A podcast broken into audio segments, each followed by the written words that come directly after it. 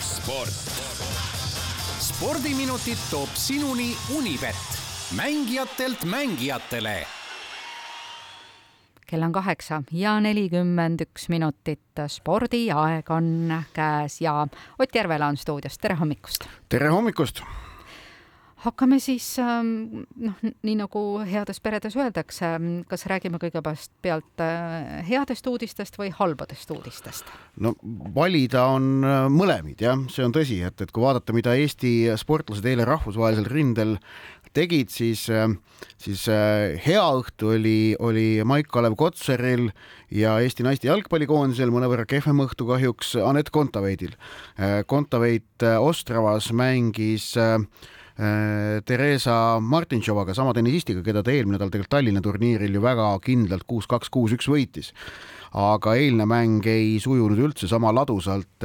esimene sett Kontaveit jäi kiirelt null-kolm kaotusseisu, võitis sealt äh, viis geimi järjest, aga lõpuks ikkagi kuus-kuus ning, äh, ning kiire lõppmäng, mille ta, mille ta kaotas ja teise seti alguses andis ta vastasele äh, loobumisvõidu. nii et äh, Ostrava turniir Kontaveidi jaoks, mille ta eelmine aasta võitis, lõppes sedapuhku kiiresti, piirdus ta, piirdus ta ühe mänguga aga, aga näiteks siis jah, et, et õnneks oli Eesti spordisõbra jaoks niimoodi, et polnud halba, et oli, oli üks kehv uudis, aga oli ka häid uudiseid. Maik-Kalev Kotsar Euroliigas tegi ikkagi võimsa partii, üle välja mees mängus, kus Vittorio Baskonia alistas Valencia meeskonna kaheksakümmend üks, seitsekümmend üks, Kotserilt kakskümmend üks punkti ja üheksa lauapalli. Ja ja Postimehes on, on, on välja toodud mõnus selline ajalooline võrdlus, et Kotser jäi napilt, jäi tal puudu Martin Müürsepa nimel olevast Eesti mängijate punktirekordist Euroliigas. Martin Müürsepp viskas kahe tuhandenda aasta esimesel novembril, on siis kakskümmend kaks aastat tagasi, äh, viskas Ateena AEK-s äh, mängides Belgia klubi Charleroi vastu kakskümmend kolm punkti. Ehk et Kotseril oli kaks punkti puudu. Ma nüüd ei vaadanud, kas Unibetis on koefitsiendid üleval ka sellele, et Kotser sel hooajal selle Müürsepa rekordi ületab, mhm. aga selle esimese mängu põhjal ja see roll, mis tal seal oli, siis ega šansid kehvad ole, sellepärast et, et noh, see, see algus oli muljetavaldav see võib mõnus kripeldus olla sees, ma kujutan ette tal.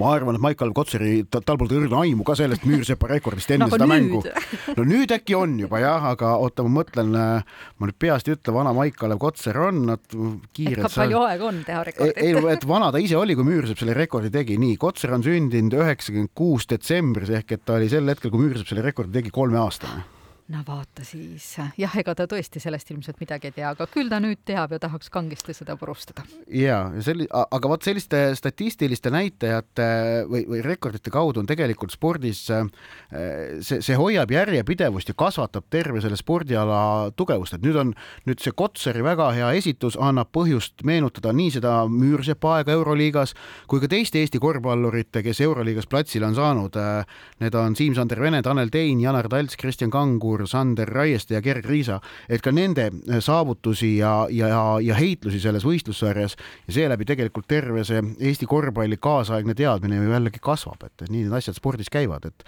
et nende mineviku lugude meenutamisel on väga kindel põhjus.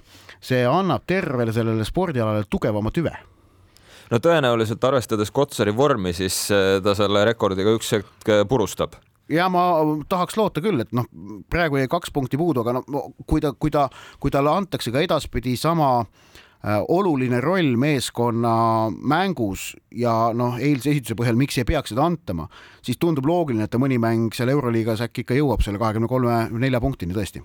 meistrite liigast järgmiseks ja no seal sel nädalal peeti siis alagrupi turniiri kolmanda vooru kohtumised ära, kõige, kõige ilmselt ikkagi äh, noh, kõige, kõige šokeerivam tulemus, ma julgen ikkagi öelda, või kõige selline, kõige enam kõneainet pakkunud tulemus oli ikkagi Milano Interi üks-null võit FC Barcelona üle, et seal olid mõned skandaalsed asjaolud ka sellega seotud aga, aga noh, nendest asjaoludest võibki pikemalt hakata rääkima, eilses Vuti kohtus Andres Vaheriga rääkisime ka sellest pikemalt, ent see tagajärg on nüüd see, et FC Barcelona, kes sel suvel kulutas olles ise mingi umbes miljardiga võlgades, kulutas veel kolmsada miljonit uute mängijate peale.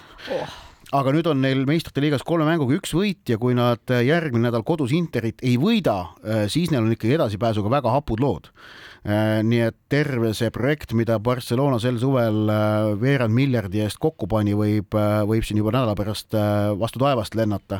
vähemalt see plaan, noh, ega, ega meeskond selle peale laiali ei lähe, aga see plaan, mida taheti teostada, seda meeskonda kokku kogudes, sellel on oht praegu põruda ehk siis investeering ei ole siiani ära tasunud?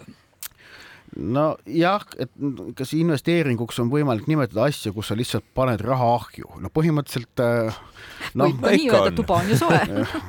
Nojah, on ju jah, et see, see on, see on see, see on see mõttekoht, noh, et tegelikult see Barcelona osturalli suvel tekitas ähm, jalgpallimaailmas ikka äh, noh, hämmeldust igal pool, aga tegelikult ka pahameelt, et kuidas nagu on vastutustundlik, et klubi, kellel on niikuinii väga suured võlad, äh, lihtsalt äh, sel, selle, selles olukorras kulutab veel niivõrd palju.